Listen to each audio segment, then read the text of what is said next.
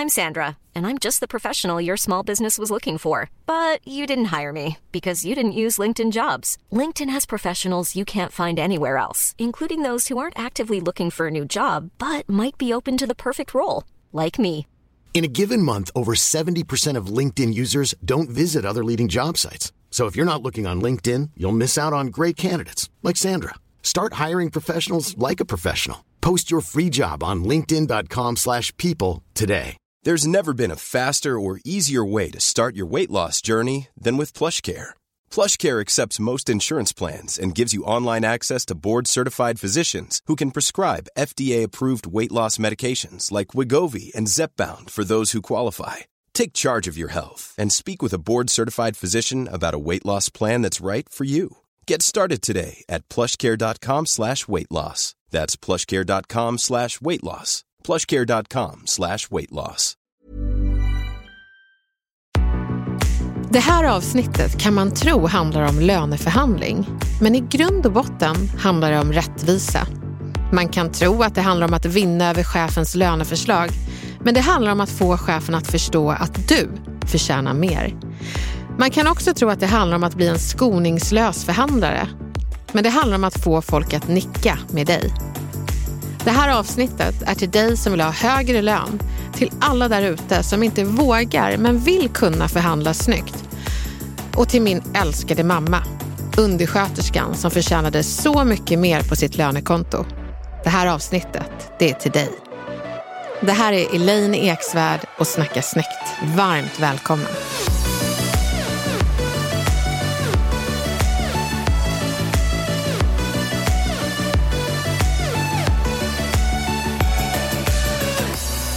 När jag funderade på vad jag ville ge er lyssnare idag så kikade jag igenom eh, en del böcker om löneförhandling, jag kollade på artiklar och överallt där man ser löneförhandling så är det väldigt mycket män i kostymer som skiner, de har dyra klockor och även kvinnor och, som liksom bara ser allmänt dyra ut. Men det jag tänkte på det var faktiskt min mamma. Och eh, det här avsnittet vill jag ska gå till vanliga människor som gör så mycket för världen och för samhället men får så jävla lite på ren svenska.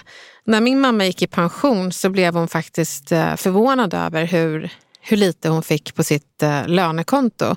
Och det är faktiskt det som blir konsekvensen av att inte kunna löneförhandla. Det är att din pension, dina äldre dagar blir ju orättvisa. Du har inte råd med allting. Det finns jättemycket fattigpensionärer som går omkring och har, fått, eh, har varit underbetalda större delen av sin tid. Så att det här handlar inte bara om löneförhandling utan i grund och botten handlar det om, om rättvisa. Så eh, jag tänker att eh, ni ska få mina allra bästa tips. Och det som är så bra med mig, det är i det här fallet, det är inte bara att jag är retoriker utan jag är också arbetsgivare. Så jag har varit på andra sidan. Jag vet precis vilka argument arbetsgivare inte tycker om, vilka fallgropar som är vanliga och vilka argument som får oss att tänka nu ska du få betalt för det här.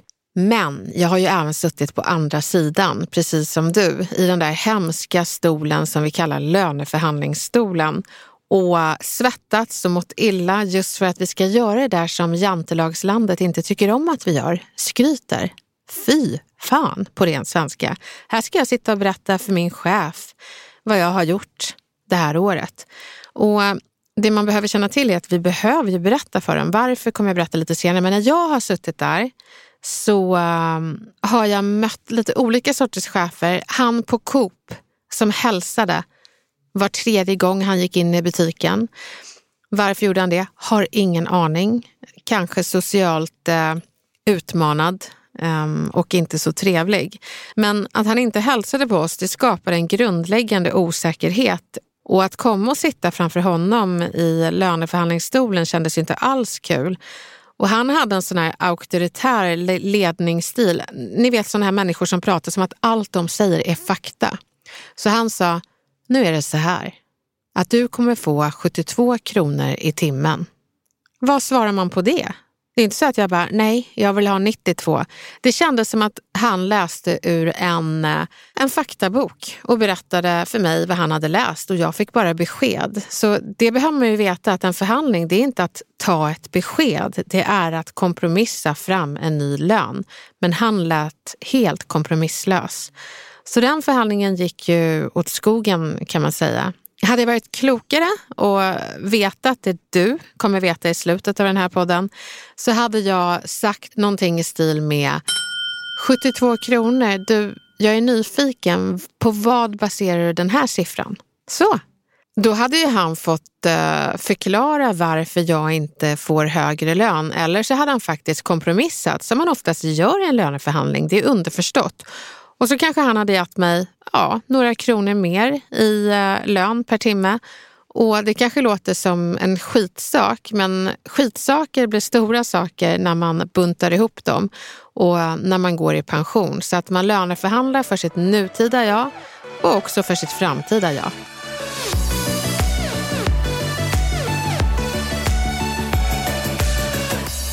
Jag tror att arbetsgivare förlorar på att du inte förhandlar. Du är en eh, kompetent, duktig eh, och skicklig eh, medarbetare på arbetsplatsen. Det utgår jag från. Och om inte du blir rättvist behandlad på ditt lönekonto så tror inte jag att du kommer vilja stanna kvar och jag tror inte att du kommer vilja göra ett lika bra jobb. Så att om man har den inställningen att arbetsgivaren kommer tjäna på att jag känner mig rättvist behandlad, då blir det mycket lättare att argumentera för en högre lön. Så nu tänker jag att jag ska ge er allt det där jag kan för att du ska landa den där lönen som du känner att du faktiskt är värd. Det här är Snacka snyggt med Elaine Eksvärd. Okej, då sätter vi igång. Vad är det du behöver kolla upp? Jo, fyra saker min vän och det är statistik, det är lönedrömmen, det är fallgropar och allra sist argument. Vi börjar med statistik. Du behöver göra lite research och det är att kolla vad som är en rimlig lön i din bransch. Vad tjänar en person med din titel, med din erfarenhet? Hur ser lönetopparna ut? Hur ser lönebottnarna ut? Är det olika på olika arbetsplatser? Säg att man jobbar på Karolinska eller Södersjukhuset. Hur skiljer det sig där? Um, ring upp ett fackförbund och fråga vad som är rimligt så att du får lite stöd. Man behöver vara förberedd. Sen kan du göra lite egen statistik och det gör någonting som inte är så svenskt men väldigt bra. Och det är faktiskt att fråga dina kollegor vad de tjänar. Hör på den! Hur ska de avslöja det? I Sverige har vi liksom så här kulturellt, herregud, man får inte prata om lön, politik eller vad är egentligen det sista man inte får prata om? Sex. Sex. Tack. Camilla, min producent, hon har koll på biffen. Men, men eh, hur får man folk att blotta sina hemligheter?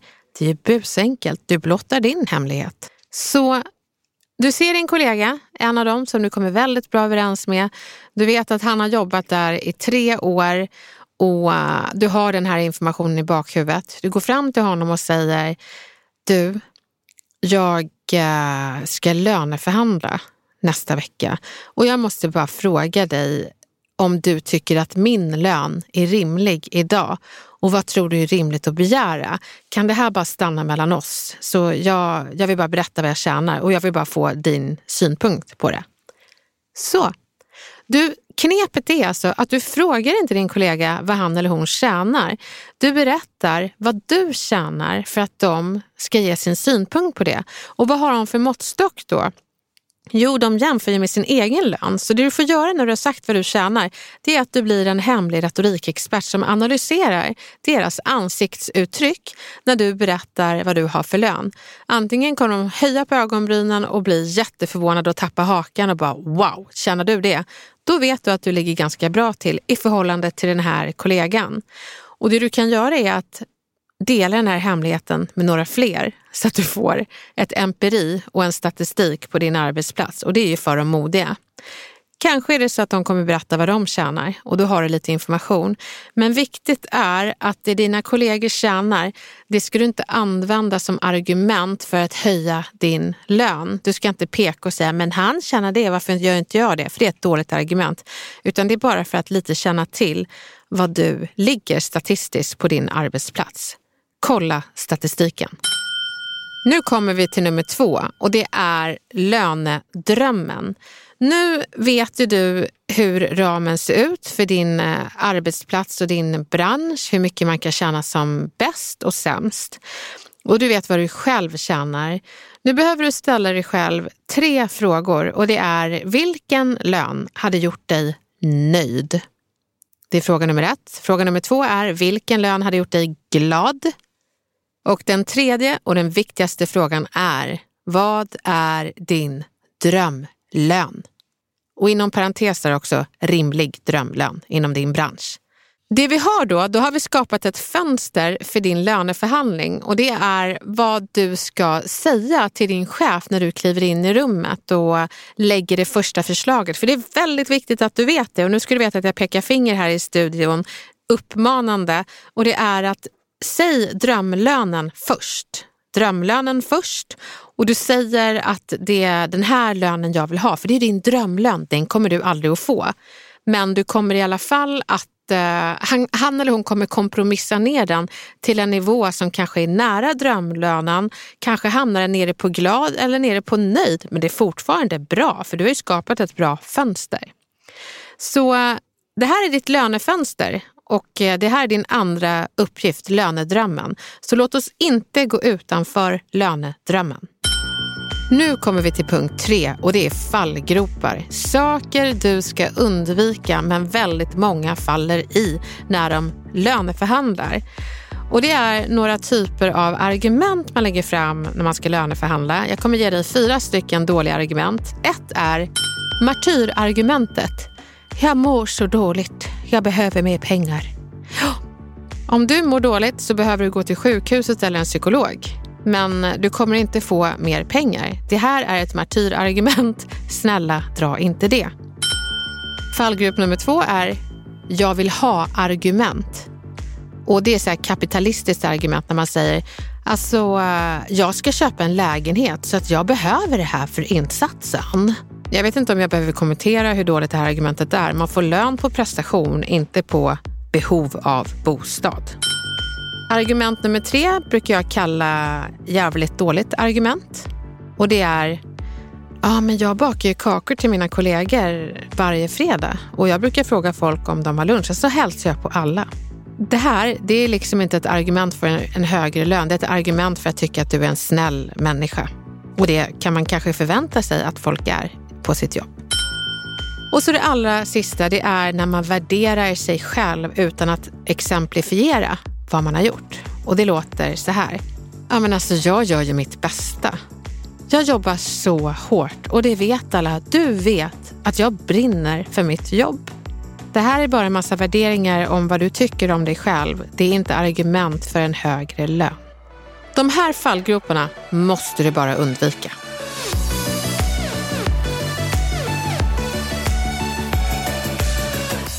Nu har vi kommit fram till punkt fyra och eh, det är ju argumenten du ska ha för att ha en högre lön. Men innan jag går in på dem så vill jag bara klämma in en liten parentes som är viktig att känna till och det är Studier visar att chefer belönar inte folk som jobbar. Nähä? Vilka belönar de då? Jo, de som berättar att de jobbar. Du vet den där kollegan som berättar att du vet eh, chefen, jag stoppade in de här papperna i permen så nu ligger de där. Och du tänker, vad fan berättar hon det för? Det gör ju jag varje dag men jag behöver inte berätta det. Hon berättar det för att då kommer hon bli mer uppskattad och få en högre lön. Det låter banalt men det är så det ligger till. Så det är exakt det du ska göra nu. Du ska inte förhandla utan du ska berätta vad du gör som är ovärderligt. Saker chefen har sett och missat. Och berätta vad det ledde till. Hur ska jag berätta för min chef att jag har gjort mer än, än vad som förväntades? Ja, men berätta. Hur, hur, eh, hur nej, skulle men, du säga det? Eh, nej, men jag skulle ju inte göra det. Men om du skulle göra det, hur skulle det låta? Nej, men jag jobbar ju som kastare. Eh, och då ska jag då säga, nej men jag har ringt 18 personer istället för två. men du ser ju ut som en iller när du säger det. Hon, ni ska se hur hon ser ut. Hon stirrar med sin blick och säger, tyck att jag är duktig nu. Det, det, det blir en sån där klängig energi. Att man känner att du vill att jag ska säga, joho vad du är duktig. Nej, det är mer, du ska säga lite avslappnat i förbifarten. Att eh, det bara, alltså... Typ när man tar en kaffe? Ja, men typ när man tar en kaffe. Att, eh, jag vet inte vad det är i det här kaffet, men jag, jag hann ringa 18 stycken. Så himla kul. Och jag tror att Molly Sandén nappar. Jag hoppas på det. Ja. Så, mer entusiastiskt. Så då skyller du på kaffet och säger det. Det är viktigt att framhäva dig själv. Folk som berättar att de är bra och har gjort något bra, de får mer uppskattning, de får högre löner, de är mer, i regel mer lyckliga än andra. Jag menar alla relationer där vi går runt och surar på våra respektive för att han eller hon borde förstå att jag gör allt det här. Han eller hon borde inte alls förstå det. Du borde berätta att, vet du vad? Jag vek dina kläder i morse, de ligger på din säng. Du säger inte, jag är så bra, jag vek kläderna i morse, kolla. Utan du bara informerar det. Då kan man säga, åh tack, vad glad jag blir. Så, istället för att sura och bli den här surdegen som jäser och inte får uppskattning. Och det är det jag tänker att många är på löneförhandlingar. Man är surdeg för man tycker, jag får ingen uppskattning, min chef borde förstå allt jag gör. Din chef vet inte ett skit. Och det berättar jag för dig nu. Och det är därför du ska sitta på löneförhandlingen. Löneförhandling är egentligen inte en löneförhandling, det är ett informationsmöte. Där du informerar, inte skryter, om allt bra du har gjort det här året och vad det är värt.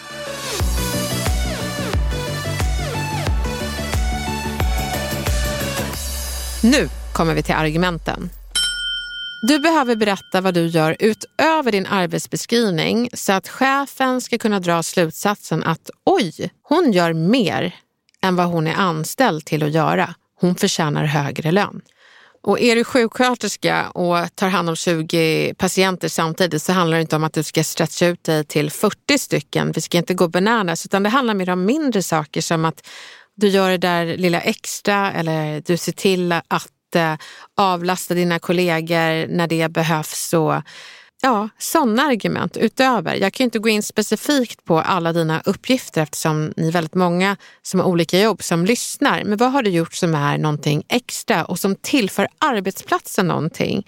Och då, då menar jag faktiskt inte Även om det är väldigt snällt att man bakar kakor eller är inkluderande så handlar det om maskineriet på arbetsplatsen. Jobbar du på ett sjukhus, hur tjänar sjukhuset på att ha just dig där? Hur tjänar PR-byrån på att ha dig där?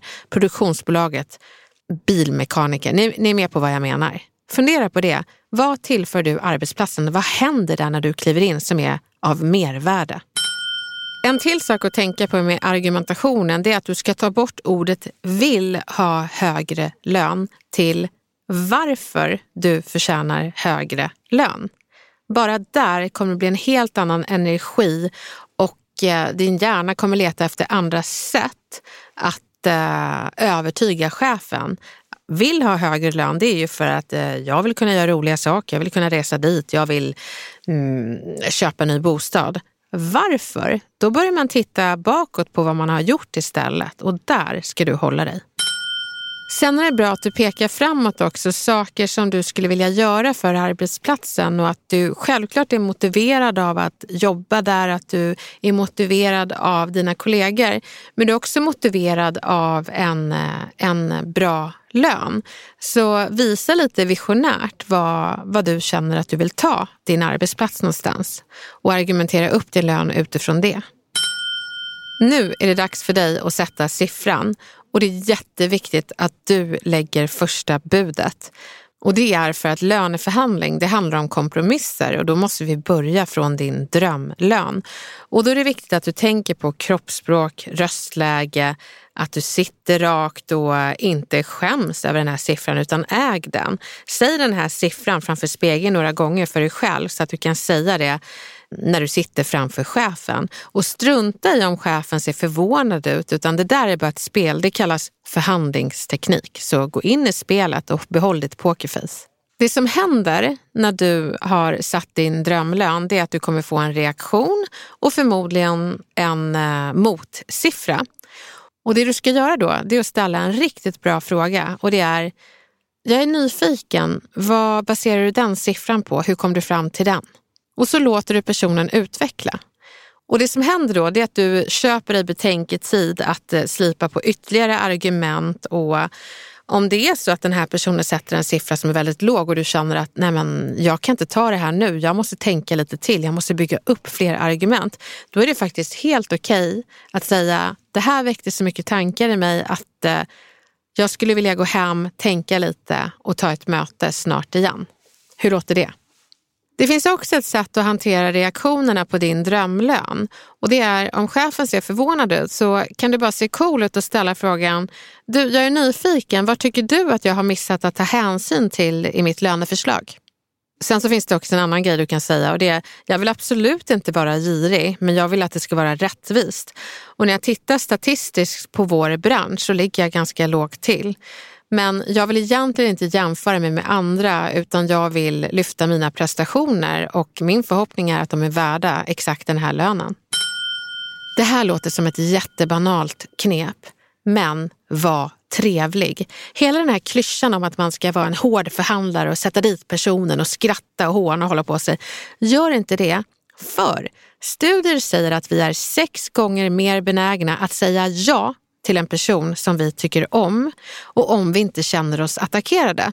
Känner vi oss attackerade, vilket förhandlingsteknik brukar leda till, då använder vi 31 procent av hjärnan till att försöka parera de här argumenten. Visst är det intressant? Vi vill ju inte att personen ska känna sig attackerad utan känna sig bekväm. Så var trevlig även om du har vassa argument.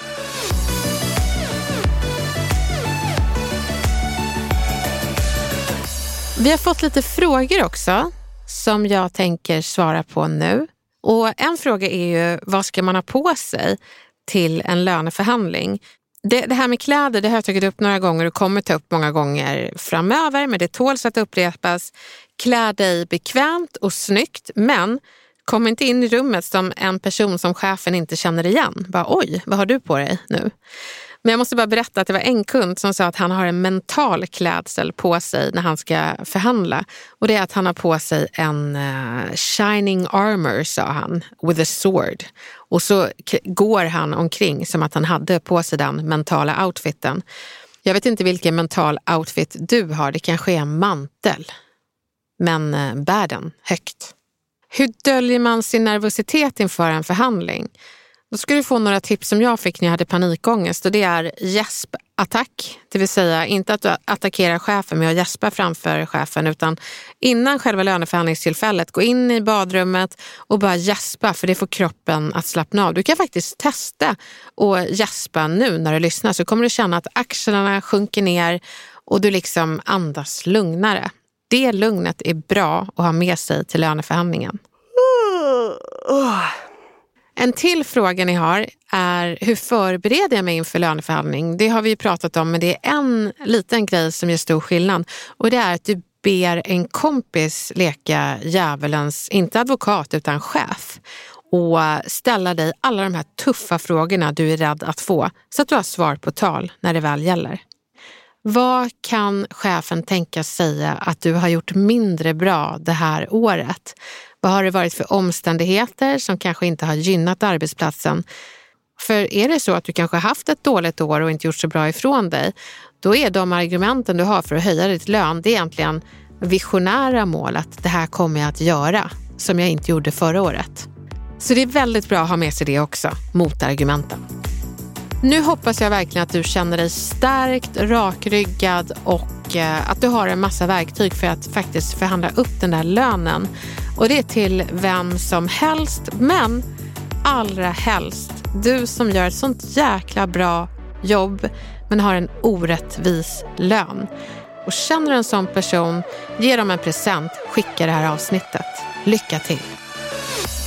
Jag är Elaine Eksvärd och min producent Camilla Samek. Vi säger tack och vi hörs snart igen. There's never been a faster or easier way to start your weight loss journey than with PlushCare.